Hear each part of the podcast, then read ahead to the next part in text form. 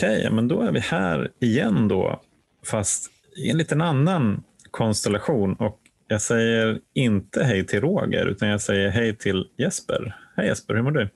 Hej Johan! Tjena! Jag mår bra. Jag mår bra. Det här är ju väldigt speciellt. Aldrig varit med om en sån här grej innan. Jag är ovan vid det här, men det ska bli riktigt spännande. Och jag tänkte jag, jag passar på att säga hej till eh, Roger däremot. Hur är läget med Roger då? Ja, men hej Jesper! Det är hej. fantastiskt kul att sitta här eh, så här många på mm. Zoom och prata om eh, alkoholism. Så därför skulle jag också vilja säga hej till eh, Freddy. Ja, men tjena Roger, Johan och Jesper. Fasiken, jag är, jädrar vad häftigt. Jag är faktiskt lite nervös idag. Jag känner hela kroppen att jag liksom och extra nervös för att det här, vi sitter ju över så här videolänk då, eller ja, jag vet inte riktigt vad det heter, men jag ser liksom rakt upp i Jeppes hjärna på något sätt. För han har kameran liksom. Så det är skit. Ja, ja men det, det är mysigt Jeppe.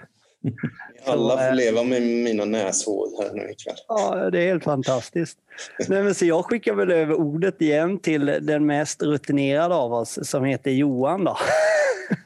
Hej Johan! Oj, hej. Ja, jag mest rutinerad? Ja, det vet jag inte. Men eh, det här känns jättespännande att vi har det här eh, samtalet.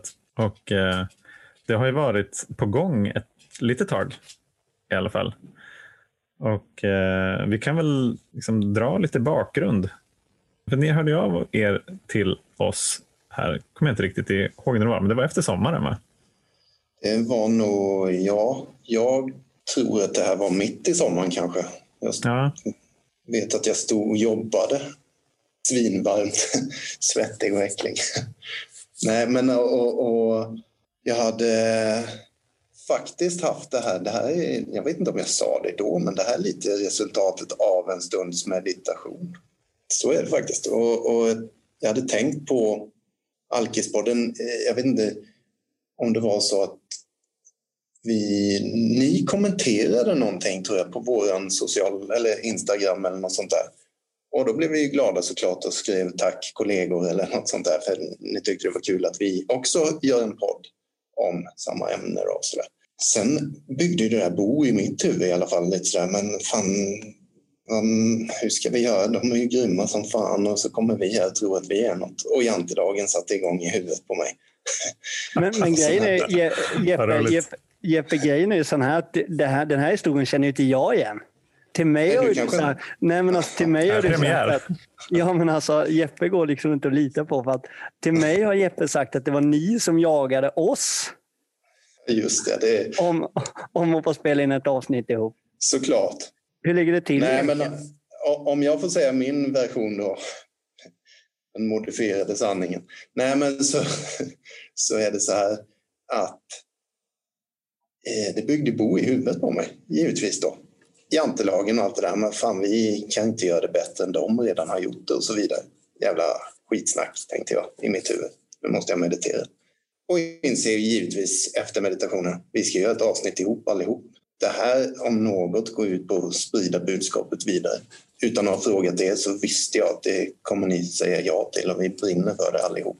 Det är för många som lider där ute som inte har hört ett ord fortfarande 2020 sägas om detta. Så då kontaktade jag Det är ju en eh, grym idé tycker jag och det känns jävligt kul att du sitter här. Men jag mm. tänker så här att om det nu någon som lyssnar på det här som inte vet vilka vi pratar om, inte har lyssnat på båda poddarna, så tänkte jag vi kunde ju kanske berätta lite grann vilka vi är och eh, vad vi håller på med. Och eh, då tänker jag att eh, Johan skulle kunna börja lite grann prata om sig eh, vad Alkispodden håller på med. Ja, alltså det är en väldigt relevant fråga tycker jag. vad håller Alkispodden på med egentligen? ja, men Alkispodden var ju frukten av en, en vänskap eh, mellan Johan och Roger som eh, föddes under våren, sommaren 2018. Där vi eh, ju hade lärt känna varandra hösten innan och sen så hade vi helt enkelt fört samtal om, om alkoholism i många olika sammanhang och ett av de sammanhangen var eh, tillsammans med våra eh, bättre hälfter. som då poängterade att hörni, det här kanske ni skulle göra en podd av. Det är nog fler som behöver höra de här eh, galna eh, samtalen. För att det är ungefär som att vara med på ett möte, att höra er dela om det. Och eh, sen så gick det där ganska snabbt. Vi eh, pratade ihop oss och insåg att här, vi gillar ju att prata och vi brinner verkligen för att föra budskapet vidare. Vi har fått så oerhört mycket av möten och delningar och eh, vi vet hur viktigt det är med identifikation och hur viktigt det är att inte känna skam kring sjukdomen. Om det är någonting vi kan bidra med så kanske det är att göra en podd.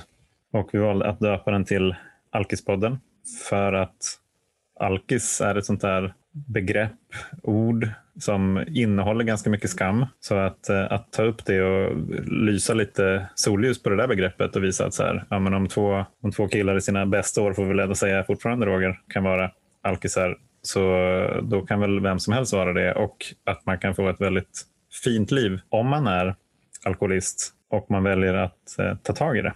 Och att det finns hjälp att få. Det finns en lösning som kan leda till ett liv som är mycket bättre än det man hade kunnat drömma om när man var aktiv. I alla fall så har det varit för oss båda. Det var någonstans startskottet för Alkispodden och i början så tänkte vi att ja, vem är det som orkar lyssna på två medelålders vita män som gaggar om sig själva och alkoholism. Tänkte ja, vi gör väl max 20 avsnitt. Men, eh, men det här är ju någonstans, eh, ja, vi har väl gjort över 110 avsnitt nu och samtalet fortsätter ju. Det är ju helt fantastiskt. Jag menar, dels att vi har någonting att prata om fortfarande, Roger, och att vi också får besök av, av gäster av olika slag. Både de som är aktiva eller som precis har blivit nyktra eller som är anhöriga eller som har väldigt lång nykterhet. Unga, gamla från all walks of life. Det är liksom också en viktig del där, apropå identifikation, att vem som helst kan vara alkoholist. Och eh, liksom det är viktigt att, eh, att lyfta det och samtalet är ett väldigt effektivt verktyg att göra det. Så att även fast vi här nu är fyra medelålders vita män så är det inte bara vi som kan vara tillfrisknande alkoholister. Men det känns väldigt fint tycker jag att få träffa två som också brinner för som den lösning som vi har hittat och som, som väljer att dela med sig på samma sätt. Jag tror aldrig att vi kommer ha för mycket samtal om alkoholism. Det, det läget kommer vi nog aldrig komma till, tyvärr ju mer vi kan prata om någonting som är så stigmatiserat och skambelagt, desto bättre. tänker jag. Så att, um, Alkispodden började som ett pågående samtal om alkoholism och det fortsätter som ett pågående samtal om alkoholism. Vad är det jag missat, Roger? Nej, du har väl inte missat någonting förutom. Nej, men jag tänkte väl bara tillägga att med, eh, om vi då ifrån Alkispoddens eh, sida har eh, ja, Jesper och Freddy med, som, då är ju ni nummer 44 och 45 som gästar Alkispodden, om man nu får kalla det på det. Men eh, jag, är ju, jag är ju supernyfiken på att höra liksom hur eh, Jesper och Freddy kom på det här med att börja podda och eh, hur det gick till. Det skulle bli jättespännande att lyssna på. Om jag börjar lite smått så får väl du kanske fylla i Freddy. För det första så, så kontaktade ju Freddy mig egentligen för ungefär två år sedan för att han ville eh, överhuvudtaget bli nykter. Jag känner hans bröder sen innan och de hade väl, jag vet inte om jag säger rätt nu Freddy, men eh, sagt åt honom att nu ringer du till Jeppe. Och så därför, ja, jag är väl eh, den enda i gänget som har kanske gått den vägen. Jag vet inte, nej det lät ju illa. De, det betyder inte att alla har problem, men eh, jag har varit nykter i några år och det visste de. Men eh, och på den vägen är det. Freddy börjar ju så småningom att haka på och allt det där och, och nyktra till. Det finns ju ett litet recept som jag brukar prata om, eller vi brukar prata om i alla fall, som har tolv steg i sig. Följer man det receptet så, så kan jag faktiskt lova dig att det blir jävligt bra, sa jag till honom. Och på den vägen är det. Han, satt ju, han blev ju sugen på det där med en gång. Han frågasatte det, kan du verkligen lova det? Det har jag nog aldrig gjort förrän den gången. Så att bara du gör som jag säger så blir det bra. Men följer du receptet så blir kakan lika god varenda gång. Och den smakar väldigt gott. Det finns till och med något som heter 12 löften. Och så vidare.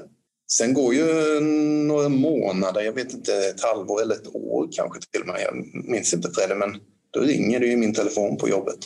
När Freddy säger du, jag har en idé, ska vi starta en podd? Och jag bara tänkte jag skojar liksom, sådär, men vad ska vi prata om då? Ja men alkoholism såklart. Och Jag tänker då, men herregud. Dels tänkte jag, jag visste ju att det redan finns en podd som heter Alkispodden. Jag visste ju också att, eller tänkte, ungefär som ni var inne på det, tror jag, efter 20 avsnitt eller något sa ni något om. Jag minns inte exakt vad ni sa där, men jag tänkte, men vad ska man säga efter 10 avsnitt om det? Det finns inte så mycket mer att säga då. Men eh, det märker vi ju hela tiden att det här samtalet får aldrig sluta. Det är så sjukt många som, som jag sa, man blir chockad ibland. En del har aldrig hört ett ord sägas om det här i, vad ska vi kalla det, sjukdomsbegrepp och sådär. Fortfarande 2020, man blir chockad ibland. Och det är här, här är du på en jävligt intressant punkt tycker jag. Och det, det var ju också en del i att jag kände att när man, när man pratade med folk och även så som jag är, eh, uppväxt med det här och det har funnits i, i min familj och mitt liv, hela, alltså hela mitt liv så har man alltid haft så jävla mycket förklaringar och man har, man har pratat runt ämnet, man har aldrig velat ta i det och det har funnits så himla mycket om och men och därför och vad. Så vi sa ju tidigt att det skulle vara en smäll på käften jävla podd. Två fyllon, två fyllon och en sanning ska vara en smäll på käften-podd som inte håller på att linda in massa skit. För det är ju det vi alkoholister håller på med hela tiden och ljuger och vrider och vänder och bara sådär. Och vi lurar dem gång på gång tror vi. Sen blev jag nykter och fortsatte lyssna på vridna och vända och ihopsnickrade historier och blev jävligt trött på att bli lurad, medvetet lurad. Jag vet att du ljuger för mig din jävel, men jag vet inte hur jag ska slå dig på käften lösast eller hårdast. Liksom. Och då var det en, en, liksom en och sen har vi hört, ja, men, eller i alla fall jag då, som, som egentligen inte har bekräftelsebehov. Eh, nej. nej, men att det är bara för man vill synas och bla bla bla. Det var inte alls så för mig. Däremot så var det så för mig när, när, jag, när jag blev nykter och började må bättre och bättre, att jag var så jävla rädd för att när kommer bakslaget? När sitter jag i soffan och super igen? När är jag en loser igen? Så jag, jag började liksom, ja men fan jag har mig till tidningen och se ifall de vill skriva. Jag har mig dit, jag har mig dit. Ja men fan en podd också.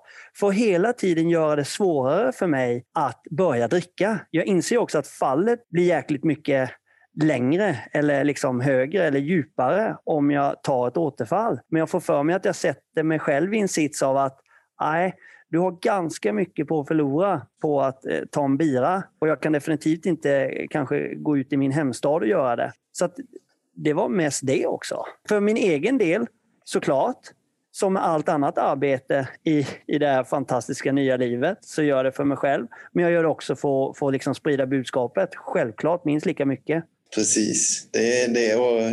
Vad skrattar du åt Jesper? Nej, men jag det är så jävla att, kul? Du kunde ju bara gjort som jag sa så hade det gått bra ändå. Nej.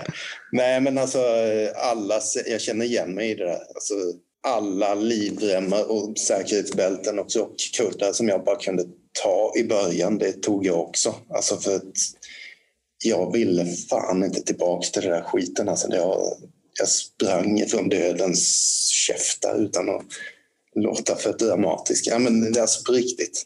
Det är liv och död. För min del är det det. Och alltså, om det är en eh, tidningsartikel det hänger på eller en podd eller ett tolvstegsprogram eller vad. Alltså jag tog vad fan som helst. En liten sån här fin variant som jag lurade mig själv med på ett jävligt bra sätt som jag tycker att du gjorde där Fredrik kanske, eller alltså att lurade, du lurade in dig själv i att faktiskt börja prata om det här problemet och om lösningen och närma dig den. Det blir man ju så illa tvungen om man ska starta en podd såklart om det. Jag känner mig igen mig i det att jag, när jag var i behandling eller började kanske gå på möt, möten och sådana här bitar, så sa jag det att 50 procent av mig var jävligt tvär alltså, och tjurskallig, grinig och tänker inte göra det här. Ni fattar inte hur jobbigt jag har det och alla de här bitarna. Men då sa jag det att om jag nu ska göra det här, eller jag ska fan bevisa för det, för jag trodde också att alla satt och ljög. De super ju om helgerna och så kommer de tillbaka här på möten uppklädda och fina. De har ju inte 20 års nykterhet, det går ju inte. Det är ju omöjligt. Eller alltså tre månader, det är möjligt. Det är världsrekord. Men jag ska bevisa för er jävlar att jag ska göra de här tolv stegen som ni säger. Och jag ska skaffa en sponsor i hela, hela det här kittet. så ska ni få se att jag kommer bli full i alla fall. Barnslig treåring. Men jag tänkte också att då ska jag göra det också. Jag ska göra det till punkt och pricka. Ska bevisa att jag kommer vara full igen. Vilken härlig ingång. ja. Jag ska bevisa att ni har fel genom att göra det väldigt grundligt. Ja, det är där det luriga kommer in. Jag är mentalt besatt på att jag ska nog fan lyckas eh, ja, på något sätt, vridet sätt. Någonstans på, på vägen i alla fall för att avrunda den lilla sidospåret. Tredje steget eller fjärde, femte steget där någonstans efter så alltså börjar jag ju inse att fan nu går jag runt och ler och är glad och mår jävligt bra helt plötsligt. Hur fan ska jag ta mig ur det här nu Men eh, jag ville inte ta mig ur det längre. Utan plötsligt så, fan, det här är ju fantastiskt. Jag har varit nykter i tre månader nu, insåg jag. Det är ju världsrekord. Det var ju det jag tänkte att de sitter och ljuger. Liksom. Så började jag lita på de som har varit nyktra då kanske ett halvår, att det kanske går.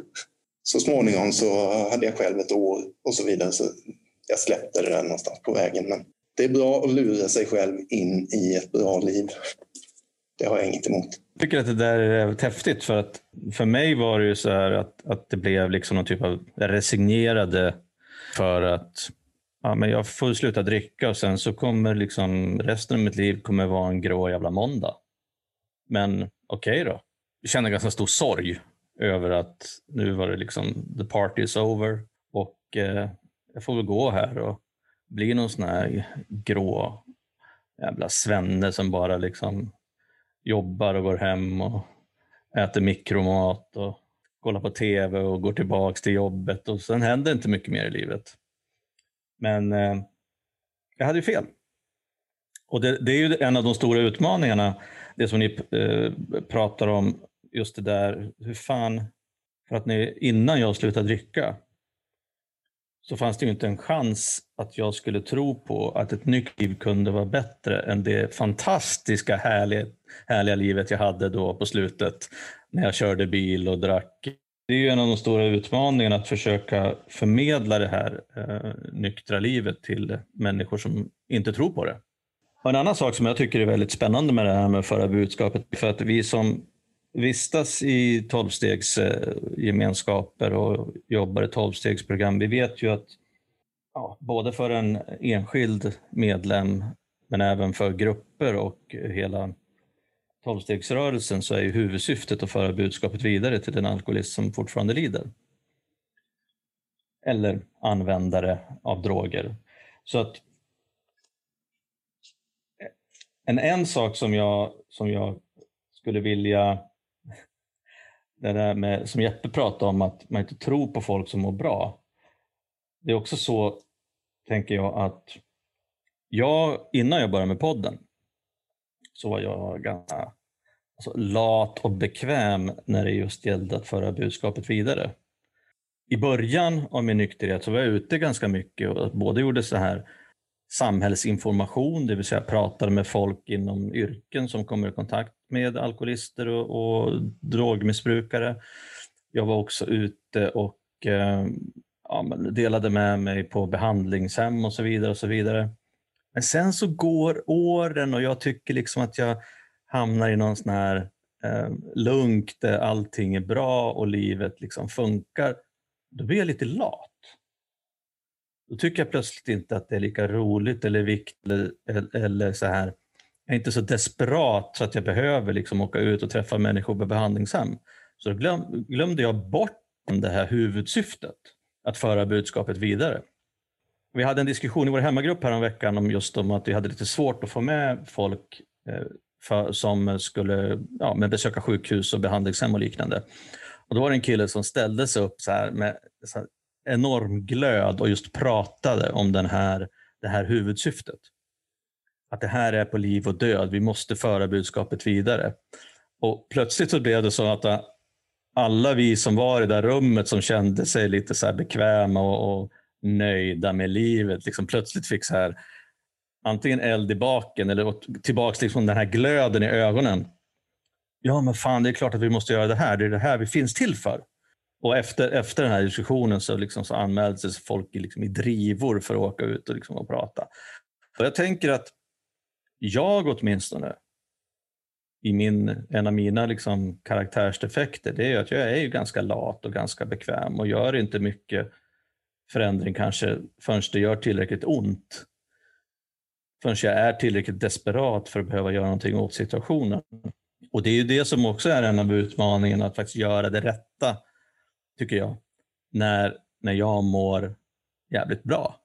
Att fortsätta göra liksom rätt saker, att jobba i programmet, att, att prata med andra alkoholister, att föra budskapet vidare. Så för mig har ju den här podden blivit ett superbra verktyg för att jag behöver, då behöver jag vara på tå. Liksom. Och, och, vi når ju ut ja, nästan varje vecka liksom, till, till människor runt om i landet och utanför landet dessutom som, som får det här budskapet till sig. Jag tycker det är superviktigt. När jag och Johan startade podden så var vi lite tveksamma till hur vi skulle hantera det här och, och vad folk skulle tycka. Liksom. Mycket det här med teten och traditioner och så här, får man göra så här? Så då pratade jag faktiskt med Johans sponsor om det här. Och han var så jävla bra, för han sa så här, men olika människor kan göra olika saker inom tolvstegsgemenskaper. Eh, Vissa kanske är jättebra på att ordna konvent, viss, andra är jättebra på att liksom leda möten eller ta emot nykomlingar. Och er roll kanske är att göra det här. Så att om ni gör det bra och det funkar så visst, jag kan inte se att det ska vara något fel eller konstigt med det. Och det var så jävla skönt att höra därför att ja, lite av det som Freddy var inne på också, att ja visst, det är nyttigt för, för mig att göra podden som någon typ av skydd, men det är också, i början känner jag mig sårbar. Därför att eh, det blev väldigt, liksom, väldigt offentligt. Jag hade ju inte varit hemlig med det tidigare, men nu är det ju de här avsnitten som ligger där ute, de kommer ju alltid att finnas där. Och det är inte så svårt att luska reda på vem jag är. Liksom. vi har ju våra riktiga Facebook-profiler kopplade till vårt konto så att det är inga konstigheter på det sättet. Så att i den sitsen tycker jag också att det var, var väldigt nervöst i början. Men det släppte ganska, ganska mycket. Vad tycker ni om det? Det här med att gå ut och bli offentliga personer. Vad, vad säger Freddy? Jag har inte ens tänkt på det. Det slog mig först nu. Fan vad skönt. Välkommen. Jag måste jobba mer på att inte ljuga så mycket. Nej, jag bara skojar. Nej, men jag kommer att tänka på det du säger om liv och död bara lite snabbt. För det, det har dykt upp i, i, i, mitt, i min nykterhet nu efter snart två år. Liksom, att fan, det här är på liv och död. Jeppe, du snackar ofta om det, men jag har inte lika... Jag har inte lika alltså liksom, eh, Alltså på liv och död, vadå liv och död? Jag är 34 år, jag hade väl kunnat supa i många år till. Det var inte på liv och död för mig. Ja, fast jag har fått det, jag har liksom, och det har handlat mycket om i mitt till, tillfrisknande liksom, i, i nykterheten och, och jobba med mig själv och i, i, hela livsfilosofin som jag lever i. Att hitta en förklaring på varje bra citat eller varje bra punchline. Liksom. Att på liv och död handlar inte om för mig att jag kanske dör och ligger sex meter under jord i en kista och alla gråter och saknar mig. När jag dör så dör ju livet runt omkring mig. Det vill säga om jag dricker igen, om jag börjar supa som jag gjorde när, liksom för snart två år sedan, då dör mina relationer till mina barn, eh, relationen till min fru, mitt liv, mitt jobb, eh, mitt företag. Allting dör, det försvinner ifrån mig och jag står tämligen jävligt ensam. Och steget mellan mig och, och parkbänksalkisen är inte långt. Så det är jag tyckte, kul och så tar du upp det också Roger, liksom, på liv och död. Och, ja, det bara känns som att det kom till mig på något sätt för att fylla i det som egentligen var frågan ja, med offentligheten. Nej, men eh, vi, vi har ju aldrig brytt oss om det. Jag hakar på det. Nej, jag säger lite som du Roger, det blir lite kaka på kaka, men vi, också, vi hade också lite sådär eh, huvudvärk över det där. Hur fan ska vi göra med traditioner och, och allt det där och anonymiteten givetvis och så där fanns också en sån fråga. Det, det frågade jag aldrig dig Johan den gången jag kontaktade dig. Hur ni har gjort i det. För jag eh, liksom sådär, bara lyssnat lite då och då på er. Så. Men, men vad ska jag säga om allt det här? Men nu tog mina ord slut bara för det var ju bra. Ja, men jag, kan väl, jag kan väl haka på där i upprinnelsen, begynnelsen. Så var, så var det liksom en, en fråga kring anonymitet såklart. Och en av mina, för, förutom min sponsor så har vi också pratat mycket med eh, min terapeut faktiskt. Som, han har varit nykter själv i 25 år, också i 12-stegsprogram. Han sa något väldigt klokt tycker jag. Han sa så här, han bara, men, alltså, programmet är anonymt men inte hemligt. Och det viktiga är inte exakt vilket program det är. Det viktiga är att det är ett 12-stegsprogram. Om ni inte företräder någon, någon specifik gemenskap, då säger inte traditionerna någonting om det. Så det är därför vi har valt att bara prata om tolvstegsgemenskapen. För att det spelar ingen roll vilken du väljer. Om, om du väljer den som liksom passar dig bäst så är det förmodligen där du kommer tillfriskna bra. Inte sagt att du inte skulle kunna tillfriskna bra i någon annan, men det handlar ju mycket om liksom, var känner man sig som hemma. Inte exakt vilken det är. Så att vi brukar ju rekommendera folk att så här, om du tror att du har ett beroende av något slag, testa att gå på 12-stegsmöte och se vad som händer. Och eh, det kan ju vara liksom, alltså, allt ifrån eh, NA till AA till DA till eh, det finns ju liksom en, en uppsjö av olika 12-stegsprogram. Testa den som du tror ja, passar. Tack för att du sa det, för det är precis så vi också har lagt oss då, eller så att det är givetvis det här ska spridas ut i hela världen. Lösningen den ska ju ut. Det är ju värdelöst om någon sitter och inte får den till sig.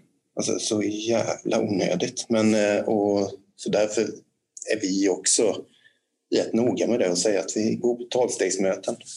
Punkt. Och det funkar för oss. Och precis som du sa det, vad du än vill gå på för visst tolvstegsmöte så är det ju också så att det enda som krävs det är en önskan att sluta med det du håller på med egentligen. Det är väldigt skönt. Som en liten som lite kuriosa så hade ju jag och Roger under de första, jag kommer inte ihåg Roger, men 16-17 avsnitt i alla fall, så pratade vi inte om 12-stegsprogrammet. Utan vi pratade om olika teman, områden i nykterheten. Vi pratade om rädslor och ångest och skam och sårbarhet och från förnekelse till förändring och sådär. Men pratade inte om lösningen specifikt det där blev väldigt svårt efter ett tag, märkte vi. Mm. att det var som att så här, prata, om, prata om de här områdena och allt det här fantastiska som vi har fått. Men vi väljer att inte säga liksom, hur vi har fått det. Så det var mm. också som att, så här, att eh, frånhålla eh, de som väljer att lyssna på en podd som heter Alkispodden, vilket man ju gör av flera olika anledningar. Men en av dem kan ju faktiskt vara för att man vill bli nykter. Och sen så delar vi inte med oss om hur vi har blivit nyktra precis. Det är ju jäkla märkligt. Liksom. Och vi, jag tror vi har fått något sån fråga också skickat till oss. Varför, varför säger ni inte bara rakt ut vart ni går och sådär? Men det, det kommer vi inte göra. Men eh, tolvstegsgemenskap, det räcker gott. Ja, precis. Nej, men exakt. Och i, och, i, början så pratade vi inte ens om det, utan vi, vi, vi pratade inte om tolvstegsgemenskapen mm, alls förrän i så här avsnitt 18. Eh, så att, och sen dess så har det varit eh, mycket, mycket lättare såklart och mycket sannare. Det var väldigt viktigt för oss från början också. Vi, vi skrev ju ett eh, manifest innan vi släppte eh, första avsnittet. Där var det väldigt viktigt för oss att betona också att vi företräder ju ingen tolvstegsgemenskap. Vi företräder ingenting än bara oss själva och eh, försöker bara berätta våra egna och prata om våra egna problem, våra egna lösningar och våra egna tankar. Blivit eh, större och större och fler och fler sen vi började prata i den här podden. Detsamma gäller för oss. Vi har inte gjort något sånt manifest. Ja, jag tänkte precis säga det. Vad, vad, har du skrivit i vårt manifest, Jeppe? Ja, det är skrivet i mitt huvud. det, nej, men det är, det är precis samma egentligen. Vi, vi, vi kan säga det i det här avsnittet, rakt ut. Vi företräder aldrig någon tolvstegs gemenskap eller någon sån där grupp eller någonting. Utan vi däremot använder oss av den lösningen och den pratar vi om på vårt sätt, hur det har funkat för oss. Om vi då inte pratar om någon sån eh, grupp eller organisation eller vad det än, förening eller vad den kan kallas då, så skulle jag vilja prata om när jag har så eh, eh många års nykterhet i samma podd. Trots att liksom den egna dragningskraften till att vilja ha det jag har finns där. För den finns där hos mig när jag ser någon som mår jävligt bra eller när jag, när jag lyssnar på någon som jag får förtroende för. att ah, men fan, Det där vill jag ha. Jag vill ha det du har. Ge mig det. Och så liksom gör jag allt för att ta reda på vad den personen, människan, har gjort för att få det. Men det jag känner nu, jag har fått lite sådär, eller vi har, liksom, och det har ju ni också på Alkispodden, men det har vi på Två fyllon en sanning med fått liksom väldigt mycket frågor om jag mår så piss nu, jag behöver hjälp nu och bla bla bla. Men jag orkar inte ta ett ansvar till. Jag, jag pallar inte att gå in i fighten av att bli nykter med. Alltså jag, jag pallar inte ha det ansvaret gentemot dig Freddy eller gentemot min fru. Eller, jag orkar inte. Jag har så många andra problem jag måste ta tag i innan. Och då, och då blir man sådär, då, då blir man verkligen så att alltså en smäll på käften hänger ganska nära. Det är som du brukar säga Jeppe, då, liksom att om du plockar bort alkoholen ifrån din problemkorg, om du börjar med den, så ser du snabbt att de andra bekymren som du uppfattar dig ha försvinner lite en efter en. Men de vågar inte riktigt tro på att det finns ett recept. Man vågar inte om det är av rädsla eller något. Jag vet inte vad ni säger liksom. Om de hör oss och, och, och sådär. Jag inser det är inte lätt att bli nykter, fast det är ju faktiskt lätt. Det är ett enkelt recept. Det är bara att följa det. Men vad, vad säger ni om det? Varför är det... Alltså varför är man så jäkla... Nej fan, jag är hellre full, då vet jag vad jag får och då mår jag bra och då är jag kreativ och då bla bla bla bla bla.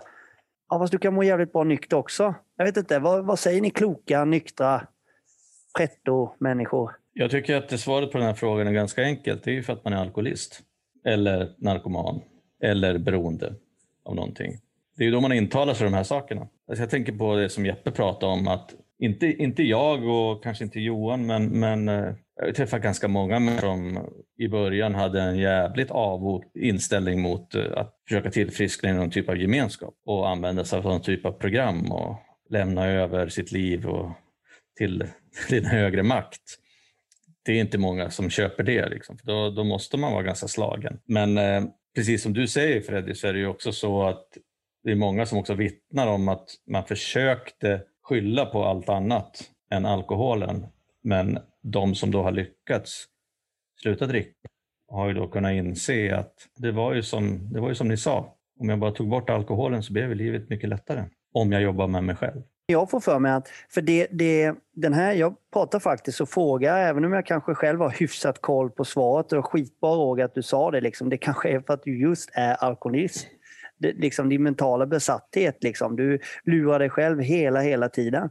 Men det jag vill komma runt är att de här människorna som, och även jag var, där, där jag knöt näven i fickan. Liksom, nu fan ska jag vara nykter en vecka för att visa gumman hur duktig jag är och jag har inga problem. Nu ska jag vara nykter.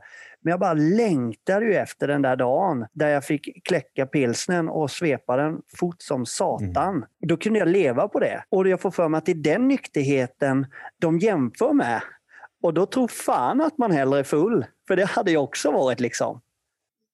Du pratade med mig om detta igår också Freddy, i telefonen faktiskt om just den här personen som kanske det här egentligen handlar om. Där har jag svårt att liksom vara ödmjuk ibland måste jag säga. Jag blir fan förbannad alltså. När man håller på så där, dribblar med sin familj, man dribblar med sitt jobb, man dribblar framförallt med sitt eget liv. Och, och och påstår att ja, nykterheten, det skulle bara vara ännu ett ansvar på mina axlar. Alltså, förlåt, men jag blir fan förbannad när alltså. Det är ju egoism i megaportion så. Och, och eh, jag, jag, jag, måste säga en sån här punchline här nu då. En typisk som sades till mig ungefär för 16 år sedan när jag var så där obstinat och tjurskallig och att skulle bevisa att det här kommer inte bita på mig. Ni fattar inte hur mycket problem jag har. Jag, jag sa det, jag har liksom hundra problem. Alkohol och droger och det där, det är bara ett av dem. Var fan ska jag börja liksom? Varpå jag får ett direkt svar på tal av en som har liksom 20-30 års nykterhet. Va? du, du har ett enda problem, sa När du släpper det, då löser de andra 99 sig automatiskt. För det är det problemet som har skapat de andra problemen. Fan vad det gick rakt in i hjärtat på mig den gången. Man kan vända på den och säga så här, har alkohol eller droger eller spel eller vad det nu är du droger eller håller på med. Har det någon, någonsin lett dig till kärlek, till ett bra jobb? Har det lett dig till ekonomisk trygghet? Har det lett dig till eh, sinnesro? Har det lett dig till någonting bra? Eller Fråga dig själv. Liksom. Titta i din backspegel. Vad har, det, vad har det lett till? Viktiga ord att höra ibland. Och jag behövde höra dem själv nu. Jag behövde säga dem också uppenbarligen det är inget tufft ansvar alltså. Alltså tack, det är, det är jättespännande tycker jag att prata om det här. Jag och Roger, vi har ju pratat en del i podden om så här, hur, hur kan man förklara för någon som, som inte är alkoholist hur en alkoholist tänker. Alltså det är en helt annan logik som, som, som försiggår där inne. Och mycket av den logiken, så var det för mig i alla fall, den, den byggde på att liksom, livet var en kamp på olika sätt. Vare sig det handlade om liksom, kampen att få tillräckligt mycket bekräftelse på jobbet, kampen eh, att få ihop det eh, hemma med relationer och sådär, kampen att få tillräckligt mycket pengar så att jag kan bara känna mig trygg, kampen att eh, ha tillräckligt många vänner så jag inte blir ensam och sen så kampen såklart att försöka i hela det där kämpandet väva in det som gav mig någon respit från den här kampen, det vill säga att dricka. Jag menar, självklart, när jag är i den logiken, då att bli nykter, det vill säga som då, då tänker inte jag på nykterhet som ett liv som vi ser idag som består av, av, en, av en tillit till, till någonting som är, som är större än oss själva och en, och en sinnesro och liksom verktyg för att, att hitta någonting som kan hjälpa oss i det vardagliga. Utan då, då betyder nykterhet för mig liksom det, det pissiga livet som jag hade när det var sober oktober. Alltså det var ju helt vidrigt att jag utifrån liksom den kampen som jag utkämpar på alla de här olika arenorna i livet också skulle ta bort det som, som ger mig någon slags andning. Det är ju helt hål i huvudet. Det är klart att jag inte vill göra det. Och i det där så tänker jag att det är viktigt att påminna mig, oss, om sjukdomsbegreppet. Och när vi säger sjukdomsbegreppet så menar vi att alkoholism består av tre delar. Den fysiska allergin, det vill säga när, när vi dricker, när jag dricker som är alkoholist, då vill jag bara ha mer. Liksom det sätter igång ett, ett mer begär hos mig. Och Sen den andra är den mentala besattheten som vi har nämnt här några gånger. Till exempel när jag inte dricker så tänker jag hela tiden på när får jag dricka nästa gång. Så i princip så, så går mitt liv ut på att antingen vara besatt över när jag får dricka nästa gång. Eller så är jag bakis eller så är jag full. Det är liksom där. Så, så att eh, livet till slut liksom kretsar kring alkohol så oerhört mycket i mitt tänkande. Och som om det inte var nog, så själva liksom basen i vårt tillstånd, sjukdom, är eh, den andliga bristen. Vi ser det här, det där hålet det där som vi försöker fylla med alla de här sakerna. det är ju det hålet jag försökte fylla med de här sakerna som var de här andra arenorna där jag kämpade. Som jag försökte fylla det där hålet med bekräftelse på jobbet. Jag försökte fylla det där hålet med eh, tillräckligt många vänner eller med en relation som var bra. Men det gick ju aldrig. Det gick aldrig att göra det. Så att om jag inte tar tag i det så kommer ingenting annat och hjälpa. Så att som tur är så är jag alkoholist. Och så kan jag komma till en tolvstegsgemenskap där jag får verktyg som hjälper mig i en andlig utveckling. Och det är precis det jag behöver. För att råda bot på den andliga bristen så behöver jag ha ett dagligt andligt handlingsprogram. Och det är precis det som vi får. Det är inte så konstigt när jag är i den andra logiken. När jag liksom utkämpar de här kamperna. Och det är det som är så tufft. Jag tänker på både det som, som Freddy började berätta om och det som både och Johan har pratat om, den här kampen. Eller det här. Jag vill kontrollera, att jag vill bestämma, att jag tar ansvar för saker och ting. Och att då få veta eller fatta att det du behöver göra det är att ge upp. Sluta kämpa. Släppa taget. Bara erkänna att du är besegrad. Och det är fan inte så lätt för en sån där människa som jag var. Att sluta liksom hålla fast krampaktigt vid det som jag ville ha. Att sluta försöka bestämma själv över allting. Att faktiskt liksom säga så här att ah, jag, jag har ingen koll. Alltså, jag kan inte dricka. Jag är maktlös. Jag kan inte hantera mitt liv. Att genomgå en sån förändring eller få den insikten utan att veta vad som kommer efter jag har gett upp. Eller utan att tro på, även om någon säger att det kommer bli så jävla bra, utan att veta att det faktiskt kommer bli så. Sluta kämpa och ge upp, kapitulera och erkänna att jag är maktlös. Det är ju den nyckeln som är så svår. Liksom. Det är låset som är så jävla svårt att låsa upp. Så hur kan man få den här männen att så här, du behöver inte ta mer ansvar. Det enda du behöver göra är att sluta kämpa. Att ge upp. erkänn att du är maktlös. Liksom. Och hur fan, visst, det har lyckats. Vi, vi har ju uppenbarligen gjort det, vi fyra som sitter här och många, många andra med oss. Men tittar man totalt sett, precis som det som Jeppe har varit inne på och tjatat om, liksom det är alldeles för få som ens vet om att det är det som krävs. I den här logiken som Johan pratar om, och jag tror inte att det handlar bara om en alkoholists logik, det handlar om alltså, no, någonstans en, en normal människas ja, men, inställning till livet. Att jag liksom måste ta massa ansvar, jag måste kämpa, jag måste göra det här, jag måste sätta upp... Då är det så kontraintuitivt att bara släppa taget. För att sen återigen efter ett tag då med hjälp av, av Gud eller en högre makt och en gemenskap på det här programmet återta på något sätt, inte kontrollen, men återta liksom sin plats, liksom mitt liv är mycket bättre. Det är väl det som vi försöker liksom nästan i princip varje avsnitt, bara banka in i huvudet på folk. Sluta kämpa, ge upp, anslut dig till oss så kommer det saker att hända. Jag måste säga en till sån här liten klyscha, förlåt för det. Jag ska vara tyst sen. Men det är en sån här som har följt mig hela vägen, som hakar i det som Roger nyss pratade om.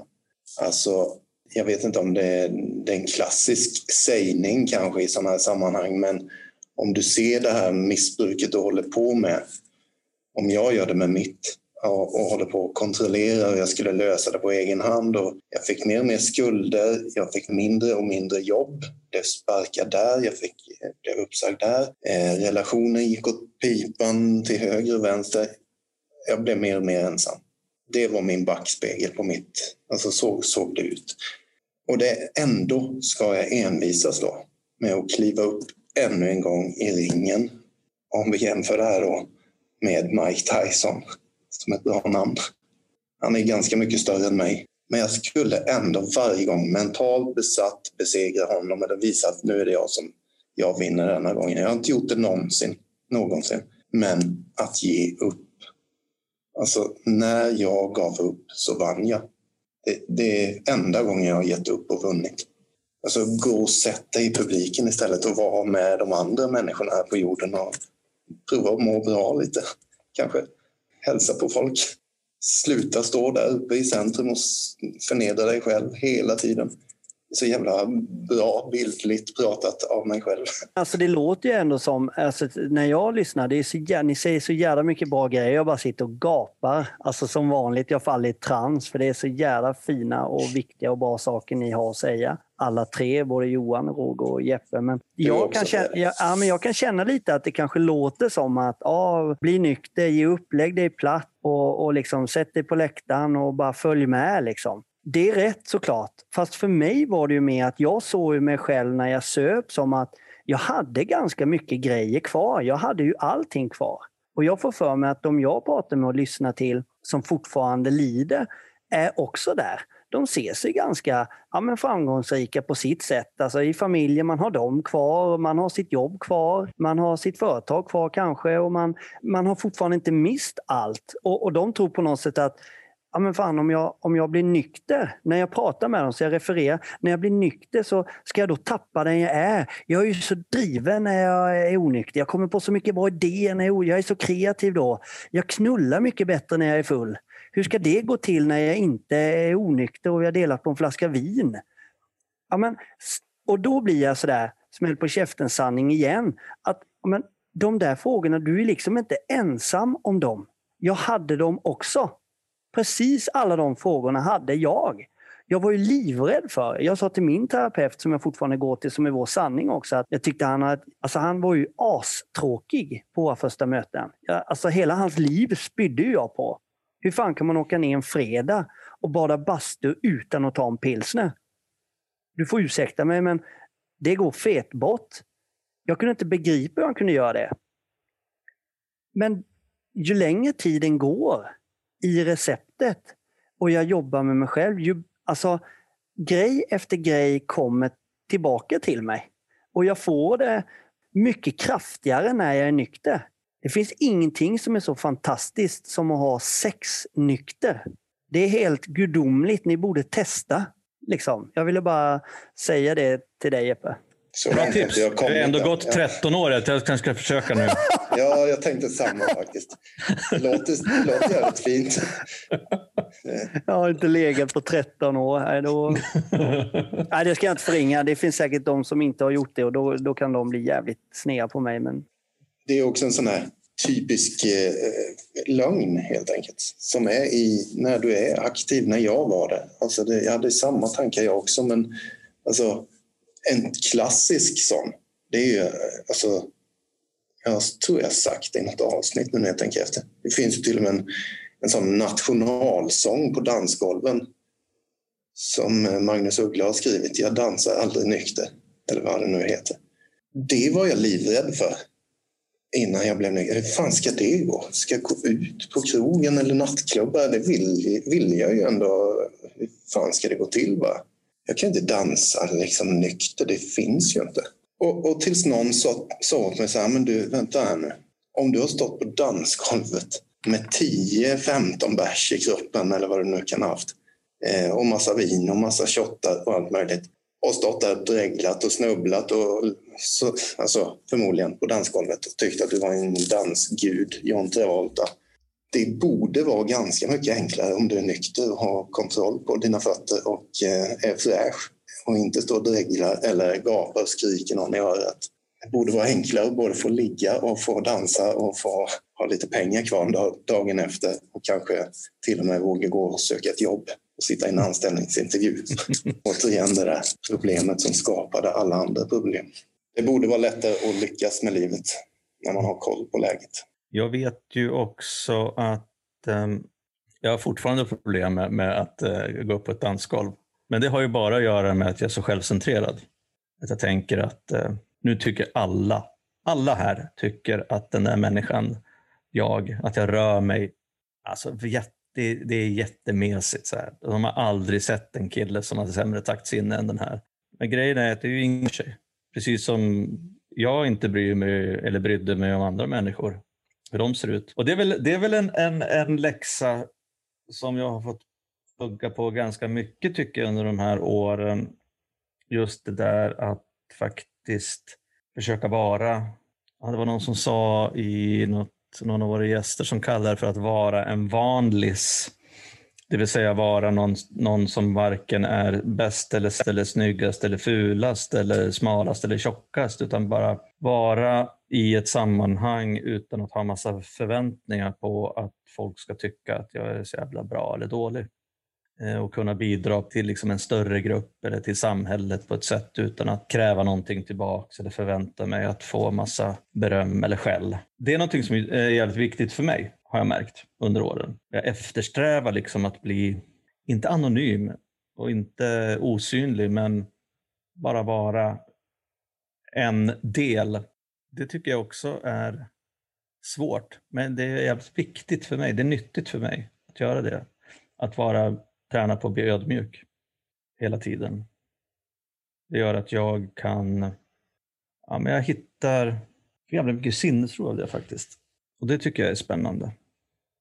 Att inte ha de här alltför stora förväntningarna på vem jag är och vad jag ska vara i olika sammanhang. Jag hade, eh, hade hela tiden under min, eh, ända sedan jag vet inte, när jag var liten kanske, en tanke om mig själv att så här, men jag kan inte dansa. Så därför så måste jag bli full för att våga dansa. Och vart den där sanningen kommer ifrån, det vet jag inte, men den har varit med mig liksom hela tiden. Och även en bit in i nykterheten. Typ tills jag var så här ett, två år nykter. Så var jag på en festival i Danmark och så stod vi där och så var vi på ett dansgolv och så liksom såg jag där med en kompis och sa jag till honom så här, men jag kan ju inte dansa. Han bara, bara skrattade för han tyckte det var så idiotiskt sagt. Han bara, men det är klart, alla kan ju dansa. Jag bara, du kan väl också dansa? Det är inte så svårt. Det är liksom bara så här, släppa taget och liksom känn rytmen. Jag bara, ja, just det. Ja, det kan jag ju göra. Ja, men då så. så att liksom den här valda sanningen, eller som vi har pratat om, Roger, så här, våra gamla föreställningar, släppa taget om dem. Så när man väl gör det så fattade jag fattade liksom inte så här, vad var det som var så svårt med det där egentligen. Någonting som är en sanning är ju sant för en tills jag utmanar den och märker att det inte är sant nu är det ju väldigt härligt tycker jag att dansa. Och eh, det är jag glad att jag hittat på ålderns höst tänkte jag säga. Det är så jävla sant ju, det du säger Johan. De måste krossas. Gamla mm. sanningar. För, jag får för mig att ofta har jag fått dem för mig själv jävligt tidigt i livet. Jag har, jag har fått dem medärvt av mina föräldrar och i min mm. väldigt tidiga umgängeskrets. Alltså kanske till och med format, skolan har format mig med sina, med sina jävla sanningar om allting. Mm. Och, och liksom det har bara följt med mig och man har liksom aldrig ifrågasatt dem. Det finns så jävla mycket sanningar. Man bara, alla sanningar som man har, ifrågasätter dem, kapar dem vid fotknölarna. För det, det behöver inte stämma ett jävla skit. Jag tycker det är super. Man skulle kunna ha ett helt avsnitt om bara gamla sanningar. Det låter som att vi har ett, ett tema i alla fall till ett av våra nästa avsnitt. Ja. Sanningar. Alltså, vad, vad härligt ändå att vi har gjort det här nu. Tagit steget och mm. lärt känna varandra lite grann. Sådär. Och jag hade ingen aning om vad, hur kommer det här sluta. Vi är ju vana från vår sida att köra ett, ett specifikt ämne som vi bara plöjer hela avsnittet hyfsat. Vi är inte vana vid att bara ha ett samtal, så här, pågående samtal som ni säger. Vi har ja, då... gått utanför comfort-zonen i de Ja, vad skönt. Och då tycker jag att vi avrundar ungefär som vi brukar göra och jag ställer frågan till Freddy.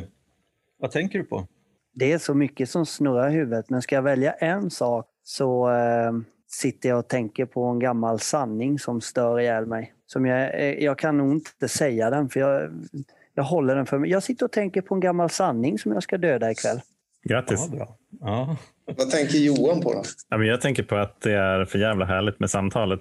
Att vi, jag menar, vi, vi har pratat, någon, du och jag Jeppe har pratat eh, på telefon ett par gånger. Men bara vetskapen om att det är liksom fyra personer som delar en önskan om att sluta dricka så vet jag att det blir ett bra samtal. Och jag ser jättemycket fram emot att utforska det här samtalet vidare med eh, nya teman, nya infallsvinklar. Det kommer bli eh, riktigt eh, gött, tycker jag.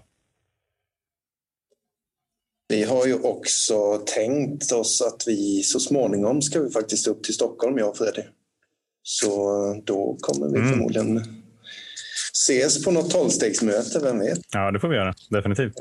Jag vill höra vad Roger tänker på. Jag också. Jag tänker på att um jag tänker på att det är roligt ändå, eller roligt och roligt, det, det är fascinerande ändå att vi hajar på i de här groparna som ändå är liksom nyckel, nyckelgrejer för, för alkoholismen, det vill säga just den här, den här logiken vi hade förut som många har, eller som aktiva alkoholister fortfarande har, att den är så svår att bryta. Och just det där lite grann att prata om förväntningar på nykterhet och, och sådana grejer. Och jag tycker väl att det är jävligt roligt att, eh, få hitta ett nytt forum också för att föra budskapet vidare. Eller nytt forum, nytt sammanhang. Fyra alkoholister som, som snackar med varandra om vad fan det är vi, vi har varit med om och, och vilken lösning vi har hittat. Det är det jag tänker på. Jeppe då? Jag börjar väl i någon ände här och jag får tacka först och främst för alla fina delningar, höll jag på att säga. Men det ni har gett.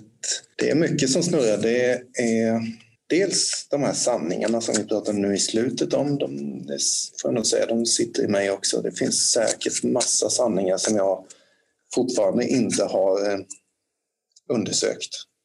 Som jag, jag gillar sånt. Alltså jag går nästan igång på det. Kickar nästan på det. Alltså gå mot massa rädslor, gå mot massa falska sanningar och som det Men jag tänker också mycket på just det här att vi har sagt det i något avsnitt, eller jag vet att vi har det, men återigen den här backspegeln, den, är, den har dykt upp mycket ikväll. Till er som står där och kämpar och livet är en kamp och hela den där biten. Livet måste inte vara en kamp. Jag trodde att det var tvunget att det är en kamp. Det är jobbigt att leva och allt det där. Och det kan vara jobbigt vissa dagar. Det är en helt annan grej. Men inte hela livet tills jag dör. Så behöver det inte vara. Och då vill jag säga det här. Livet kommer bli precis som det är om du fortsätter på samma sätt. Och, och liksom det är inte förrän du gör på ett nytt sätt som det kommer bli annorlunda. Och det, det tar jag med mig från ikväll. Jag tycker vi har varit mycket där. Det är liksom aldrig någonsin för sent att sträcka ut en hand och be om hjälp. Det kräver en jävla massa mod oftast. Men det har alla människor utrustats med. Ska vi runda av det här avsnittet då? Nej, men säga på, på återhörande. Ja, på återhörande. Mm. Stort tack hörni, eh, Freddy och Jeppe. Kul att lära känna er. Och det ska ja. bli jättekul att ta det här samtalet vidare tycker jag. Verkligen, verkligen. To be continued, eller vad säger man? Mm. Och till alla lyssnare där ute får vi bara säga ta hand om er och eh, var inte rädda för att höra av er till någon eller några av oss om ni tänker att ni skulle vilja ha hjälp. Vi finns här för er. Mm, gör det. Ha det bra där ute. Ha det bra. Ha det bra. Hej. Ciao. Hej. Hej.